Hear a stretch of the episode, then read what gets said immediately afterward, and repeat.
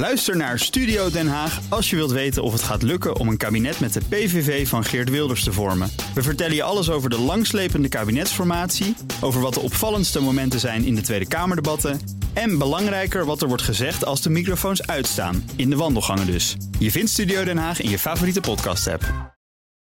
BNR Beurs wordt mede mogelijk gemaakt door Bridge Fund. Make money smile. BNR Nieuwsradio. BNR Beurs.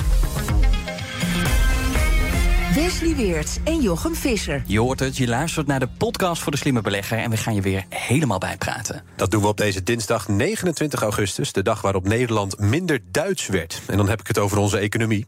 Want we zijn steeds minder afhankelijk van handelspartner Duitsland. Dat komt dus eigenlijk voornamelijk omdat de andere exportlanden uh, waar we spullen naartoe sturen, uh, die zijn eigenlijk sneller gegroeid dan Duitsland. Ja. Dus dan kan je bijvoorbeeld denken aan China, Oost-Europa, Brazilië. Uh, en dat ging de afgelopen jaren eigenlijk gewoon harder. De index die steeds minder zegt over de Nederlandse economie is de AEX. En die sloot ruim een halve procent hoger, net onder de 746 punten. En N-Group is met afstand de grootste stijger. Dat krijgt er een dikke 10% bij. En zoals altijd ja, doet hij zijn achternaam eer aan. Jimmy Zinnige van mobiele broker Bux. Hij is onze gast vandaag. Zometeen gaat het over de strijd om de Chinese autorijder. Zo'n beetje alle grote autobouwers uit China kwamen met cijfers. Zojuist nog publiceerde NIO zijn resultaten. En dus kunnen we nu zien of Tesla's prijzenoorlog werkt. Wie de eerste slachtoffers zijn en wie de harde concurrentiestrijd heeft doorstaan, dat bespreken we zo. Maar eerst NN Group. Ik zei het al, het aandeel wint flink op de beurs. De verzekeraar, bekend van onder meer Nationale Nederlanden, kwam met goede cijfers. Prijsverhogingen, gestegen rentes en het uitblijven van grote stormen. Die helpen NN aan een hogere operationele winst. En die steeg met bijna een kwart tot 1,4 miljard euro.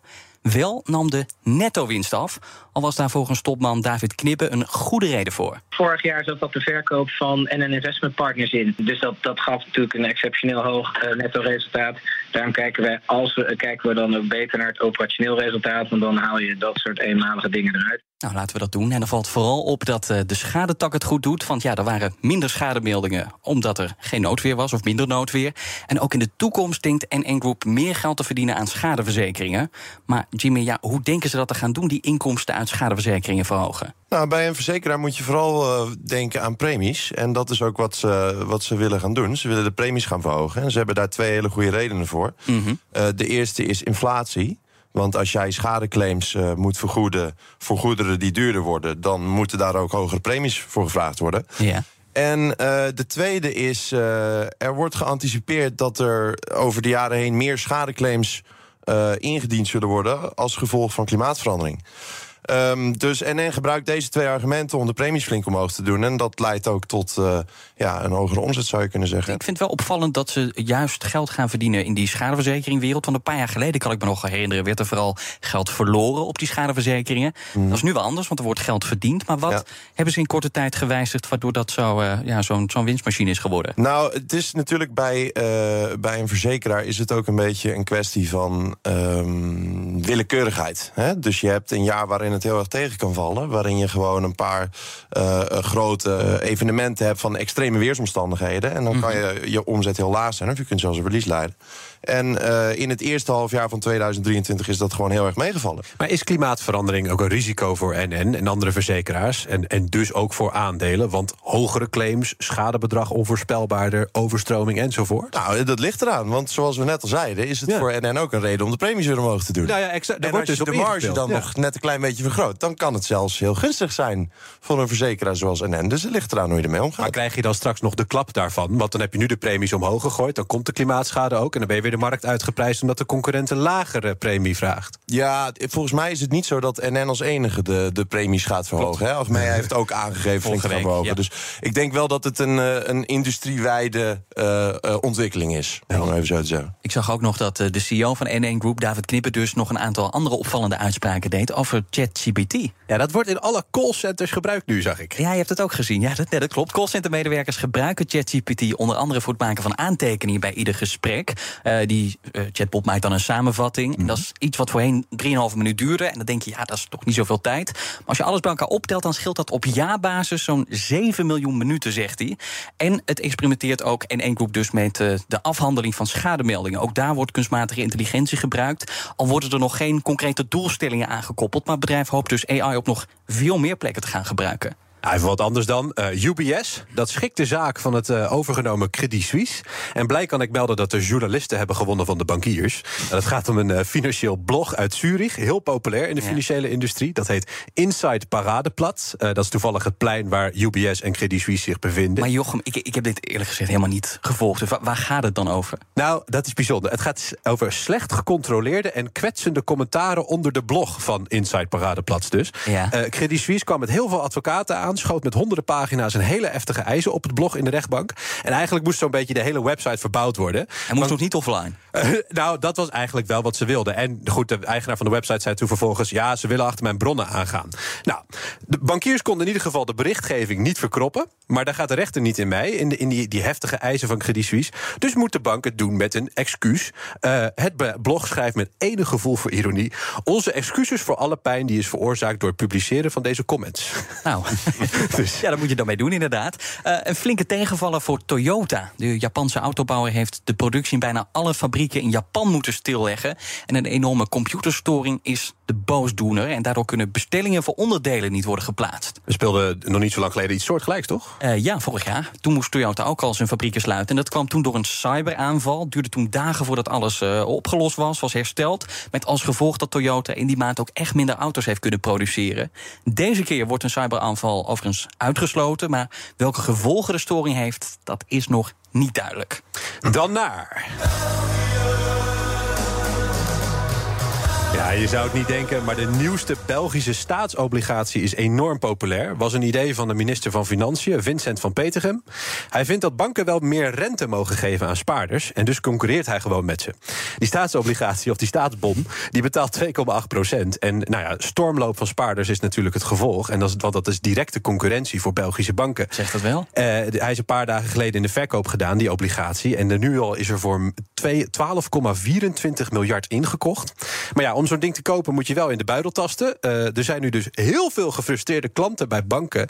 die limieten moeten verhogen om veel geld over te maken. Dat ken je misschien wel. Gaat natuurlijk allemaal te langzaam volgens die klanten. Dus het ligt er nogal dik bovenop. Maar die banken ontkennen dat het hun schuld is. Nog anderhalve maand en dan bepaalt de Britse toezichthouder of de overname van Activision Blizzard door Microsoft doorgaat of niet. Maar ja, valt er nog wat te verdienen aan dat aandeel zo vlak voor de deadline? Antwoord krijg je zo van onze gast Jimmy.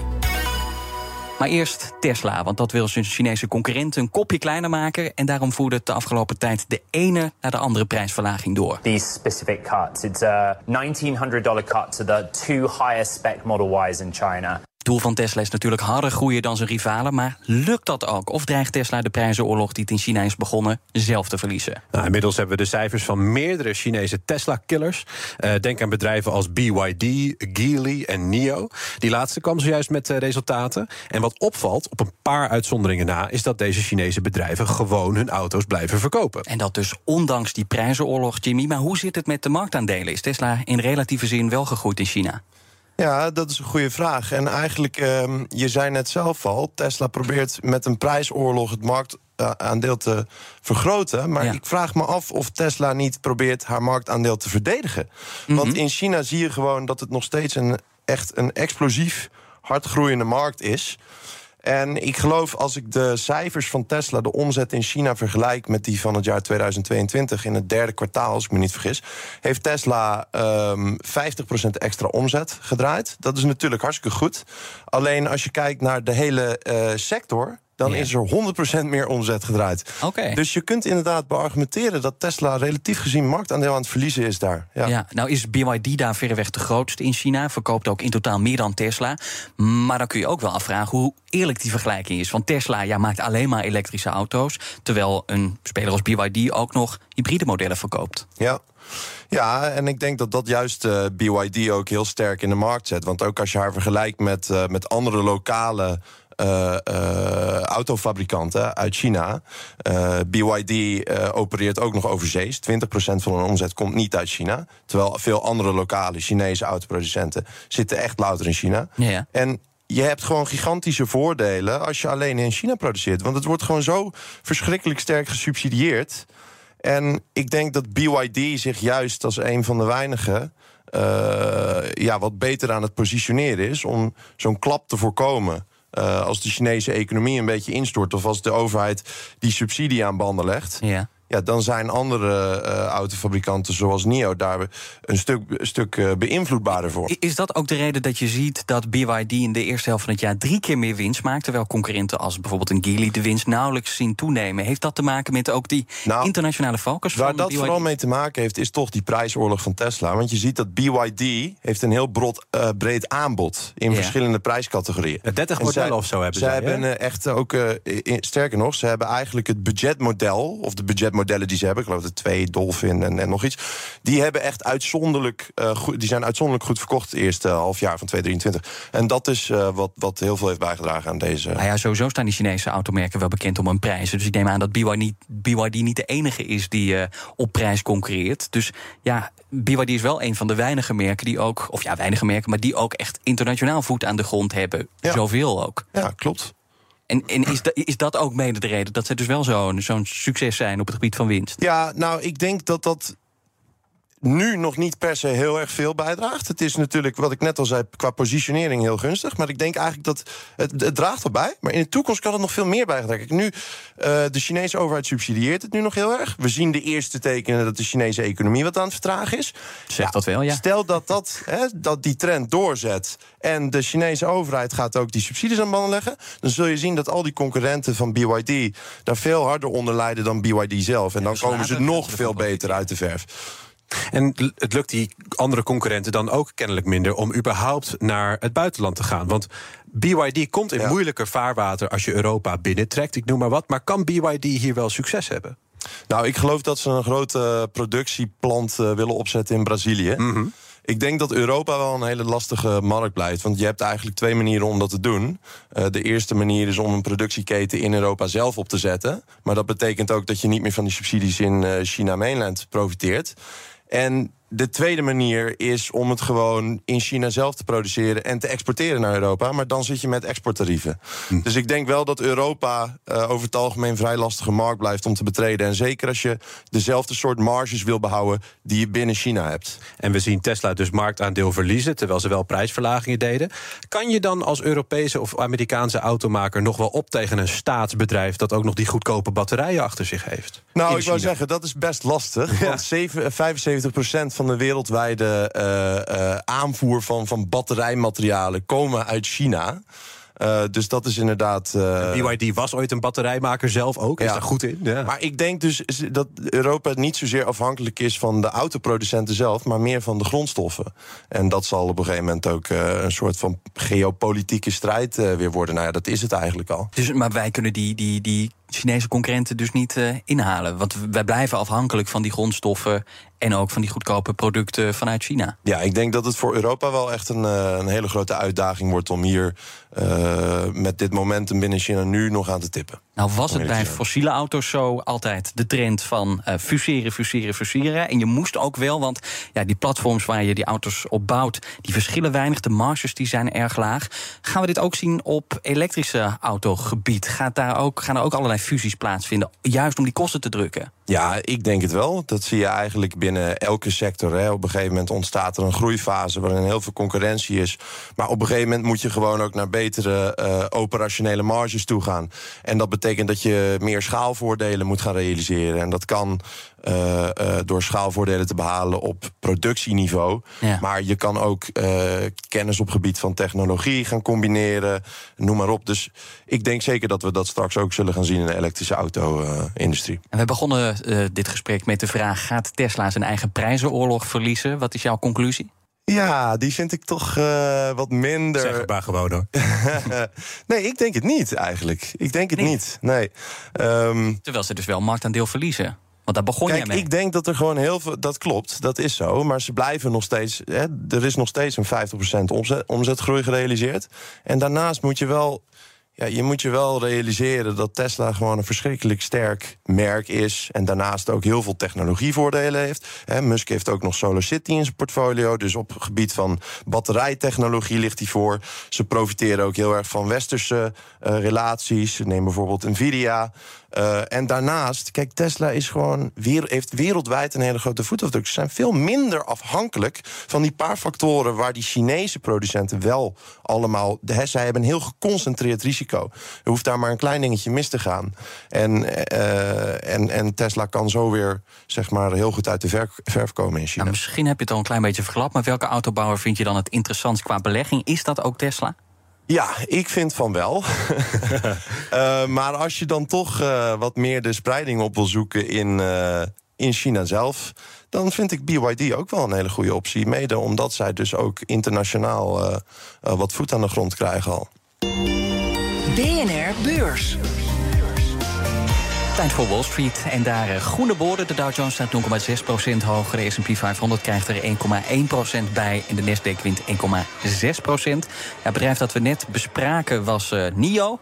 Uh, ook een autobouwer heeft ook een notering in New York. En die Chinese bouwer van elektrische auto's... die leed afgelopen kwartaal meer verlies dan verwacht. En dus willen beleggers van het aandeel af. Er gaat 4,4% vanaf. En Best Buy is ook volgens beleggers vandaag Best Buy. de koers gaat bijna 6% omhoog.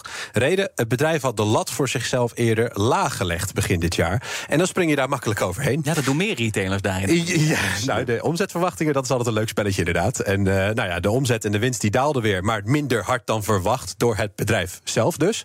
Dus iedereen was opgelucht. En beleggers die zijn ook blij dat de winstverwachtingen voor het hele jaar een klein beetje worden opgeschroefd. En dan was er nog breaking news vanmiddag. Uh, toezichthouders in de VS die onthullen plannen voor regionale banken.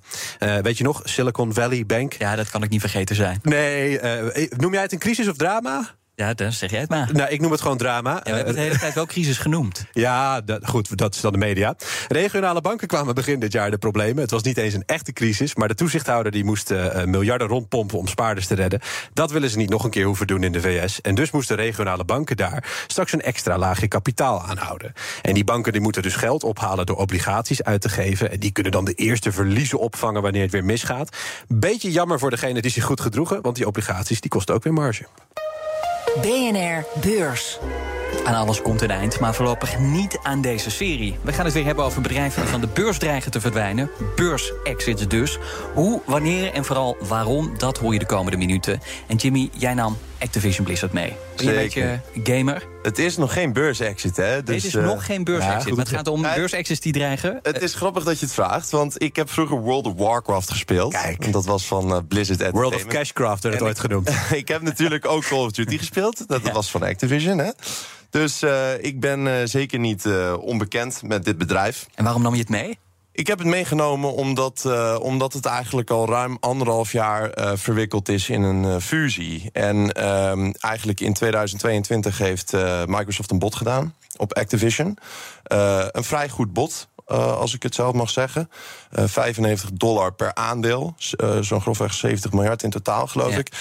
toen de tijd begon de, begon de omzet van Activision hier en daar al wat te kwakkelen. Er waren ook wat problemen met de CEO Bobby Kotick. Um, dus ik denk dat het een heel goed bod was destijds. En dan is de vraag een beetje van oké, okay, hoe reageert de markt? Nou, dat aandeel sprong van iets van, van 60 dollar naar 82 dollar. Ja, weet ik wel, ja. En dat vond ik toch wel heel geinig om te zien. Want zo zie je dus van het, het nieuws werd heel positief in ontvangst genomen. Alleen het was uh, geen zekerheidje. Want als je het op 95 uiteindelijk kan uitcashen uh, bij een Microsoft dan koop je het op elke prijs die daaronder ligt, koop je het natuurlijk op. Maar dat is dan allemaal nog niet zo zeker. Want er kwamen toezichthouders aan te pas. En dan moeten we even de tussenscore opnemen. Ja. Uh, dat loopt al de hele tijd. Microsoft kreeg recent gelijk van de rechter in de VS. Of althans, de regelgever daar trok zich terug. Ja. Uh, Europese regelgevers die zijn om op ja. het vasteland. Ja, ja, ja. En het Verenigd Koninkrijk, dat hangt nog even. Ja, toch? die liggen nog dwars. Dat, en zij zijn uh, misschien Australië ook nog. Dat durf ik heel, heel even niet 100% zeker te zeggen. Mm -hmm. Maar het is voornamelijk het Verenigd Koninkrijk die nog dwars li uh, liggen. De, uh, de CMA, de Competition and Markets Authority. Um, de Britse ACM, zeg maar. Ja, precies. Die, die zijn niet uh, akkoord gegaan. Die hebben geen toestemming verleend. En Microsoft en Activision hebben als gevolg daarvan... hebben ze hier en daar wat lopen sleutelen aan die deal. He, ze hebben gezegd, nou prima als jullie maar uh, zorgen maken... om die cloud gaming concurrentie... dan verkopen we die rechten voor die games in het Verenigd Koninkrijk... voor 10 à 15 jaar aan Ubisoft... en dan is daarmee het probleem opgelost. En nu is het afwachten. De CMA heeft gezegd, nou we gaan er dan opnieuw naar kijken... Alsof het een heel nieuw voorstel is... En nu is het afwachten. 18 juli was de, eigenlijk de contractuele deadline tussen Microsoft en Activision om de deal te beklinken. Ja, en vandaag had de CMA er toestemming voor moeten geven. Maar dat is nu alweer opgeschoven, toch? Dat is 18 oktober geworden. Ah, ja. Dus uh, het is even afwachten. En het, ja, het is een beetje een lastig verhaal. Want wereldwijd hebben uh, nationale uh, toezichthouders nu in principe allemaal hun goedkeuring ja. verleend. Behalve de CMA. Dus dat is natuurlijk een soort uh, uh, troefkaart die Microsoft en Activision nu gaan gebruiken om aan te geven: ja, waar slaat dit nou op, jongens? Iedereen is hier akkoord, behalve jullie. Dus zitten jullie niet gewoon verkeerd? Um, en... maar, maar, zie jij dan zie jij dit moment als uh, kans of eerder als risico voor beleggers die nu aandelen Activision hebben? Nou, kijk, het, het probleem is een beetje dat als de CMA. Kijk, er is een enorme druk op de CMA momenteel om dan toch nog akkoord te gaan. Maar tegelijkertijd betekent dat voor hen ook dat ze hun fout eigenlijk toegeven. Ja. Dus het ligt toch nog een beetje gevoelig. En ik, het is heel lastig in te schatten. Dus ik zeg dan, kijk naar de markt. Wat doet de markt? Hè? Dus vergelijkbaar met op het moment dat de deal aangekondigd werd... kijk ik nu naar de, wat de koers doet. Volgens mij staat het bijna op 92 dollar.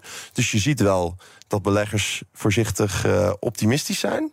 Maar het is nog steeds niet 100% zeker, nee. En kun je dan zo vlak voor de deadline nog uh, ja, je, je, je kans pakken? Of, ja, of natuurlijk kan dat. Verkeken? Dat kan. En je, als die deal doorgaat en de CMA komt over de brug... dan uh, realiseer je uh, 95 dollar per aandeel. Dus dat is niet meer heel veel uh, hoger. Nee, maar als je veel maar... geld inzet... Ja, dan wel. Ik bedoel, uh, ik, ja. ik weet nog wel, die partner van Warren Buffett die deed dat ooit. Die, die kocht van die hele zekere dingetjes die bijna niks opleverden per aandeel. Ja. En dan, gooide die, dan leende hij gewoon een miljoen dollar of een paar miljoen dollar bij. Ja. en dan ging maar hij dat het gewoon, is, het, is, het is risk-reward. Mm. Dus het is natuurlijk... Ja, hoe meer geld er te halen valt, hoe meer risico. Hoe minder geld er te halen valt, hoe minder risico. Zo ah, dan even een inschatting van dat risico. Wat denk jij? Nou, ik denk wel dat die deal doorgaat uiteindelijk. Ja. Ik denk dat de CMA wel gaat bezwijken. En dat ze toch uh, uiteindelijk gaan zeggen van... ja, nou, het ziet er nu toch wel goed uit, doe toch maar. Ja. En, en, en uh, toch, hè, het risico is ook dat het niet doorgaat. Wat dan? Wat gebeurt er dan ja, met... Uh, dan kun je erop wachten dat die koers instort. Ja. En dan pak je toch wel een flinke klap als belegger. Dus je moet echt wel even goed over nadenken. hoor. Het is zoals ik al zei, het is echt geen 100% zeker. En als die deal toch niet doorgaat... dan kun je er echt donder op zeggen dat die koers sterk omlaag zou gaan. Met tientallen procent? Ja, dat sluit ik niet uit. sluit ik niet uit. Komt van 60, hè? Op naar morgen en op naar een Amerikaans bedrijf met internationale kleding en een Nederlandse naam. De consument wordt deze dag in het zonnetje gezet met cijfers van PVH, vroeger bekend als Philips van Heusen. Het moederbedrijf van Calvin Klein en Tommy Hilfiger merkte dat consumenten in het eerste kwartaal minder uitgaven dan vorig jaar.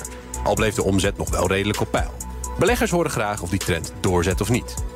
Of de softwaremarkten ook wat merken van die dalende consumentenuitgaven, hoor je van Salesforce. Het bedrijf helpt ondernemers met hun verkoopbeheer met bedrijfssoftware en verwacht een omzetgroei van 10%, meldde het eerder in het jaar. Analisten willen vooral weten of de marges een beetje op peil blijven bij het snel groeiende bedrijf. Naast de bedrijfscijfers staat deze dag ook in het teken van de Amerikaanse economie. Je vindt achtereenvolgens cijfers over de economische groei, de werkgelegenheid, woningverkopen en nieuwe hypotheken op je scherm. We zijn er weer bijna doorheen. Dankjewel, Jimmy Zinnige van Bux. Uh, maar voordat we afsluiten, hebben we onze standaard uh, huishoudelijke mededeling, namelijk de vragen voor onze vrijdaguitzending. Oh ja, die mogen allemaal naar bnrbeurs.bnr.nl. Ja, precies. Daar kun je vragen naartoe sturen. Leggen we voor aan onze gast op vrijdag. En dan, uh, ja, dan, dan, het mag van alles zijn. Hè. Het mag vragen over een aandeel zijn, uh, strategie. Uh, zet onze analisten alsjeblieft voor het blok met een leuke, harde vraag... die echt iedereen verlicht met nieuwe kennis. Nou, doe dat inderdaad. bnrbeurs.bnr.nl. Dankjewel voor het luisteren. Geniet van je avond en hopelijk tot morgen. Tot dan. BNR Beurs wordt mede mogelijk gemaakt door Bridge Fund. Make money smile. Ook Diana Matroos vind je in de BNR-app. Ja, inderdaad. Je kunt live naar mij luisteren tijdens de Big Five. Ook handig in de BNR-app. Breaking nieuwsmeldingen, maar ook het allerlaatste zakelijke nieuws. En je vindt in de app alle BNR-podcasts, waaronder Wetenschap Vandaag. Download nu de gratis BNR-app en blijf scherp.